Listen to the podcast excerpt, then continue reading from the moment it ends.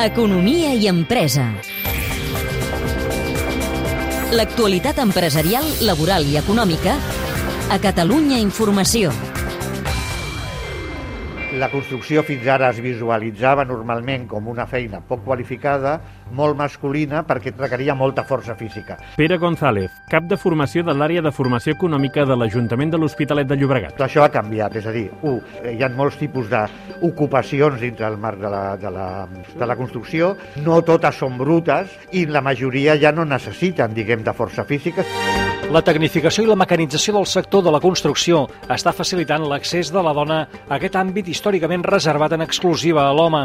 En aquest context, l'Ajuntament de l'Hospitalet de Llobregat i la Fundació Laboral de la Construcció de Catalunya ofereixen cursos de més de 120 hores de formació a una dotzena de veïnes aturades.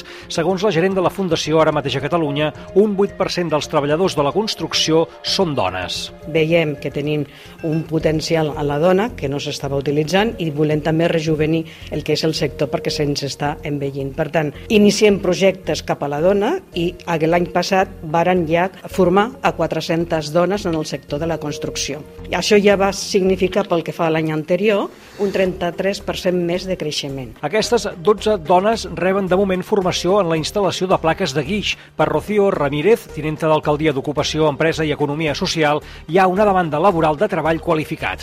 Que ho fem a la part nord de la ciutat, que és a la part del barri de Pobilles Cases, en la Florida i en la Torrassa, on també busquem un equilibri social i territorial d'aquestes zones de la nostra ciutat i posar les dones en un treball doncs, que també estiguin qualificats i que tinguin una demanda eh, laboral.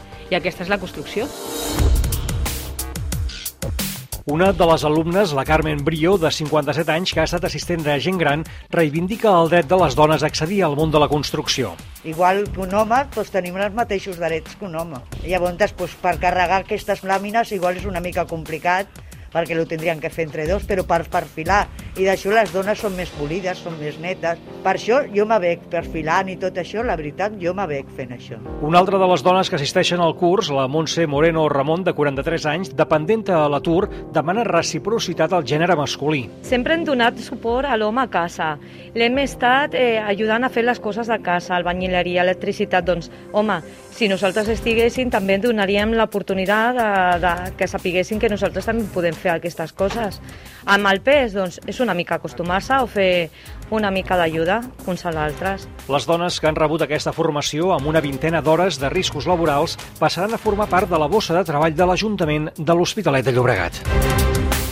És un reportatge de David Àngela, amb muntatge musical de Luis Ángel Alonso. El teniu ja disponible al podcast de l'Economia i Empresa. Economia i empresa. A Catalunya Informació.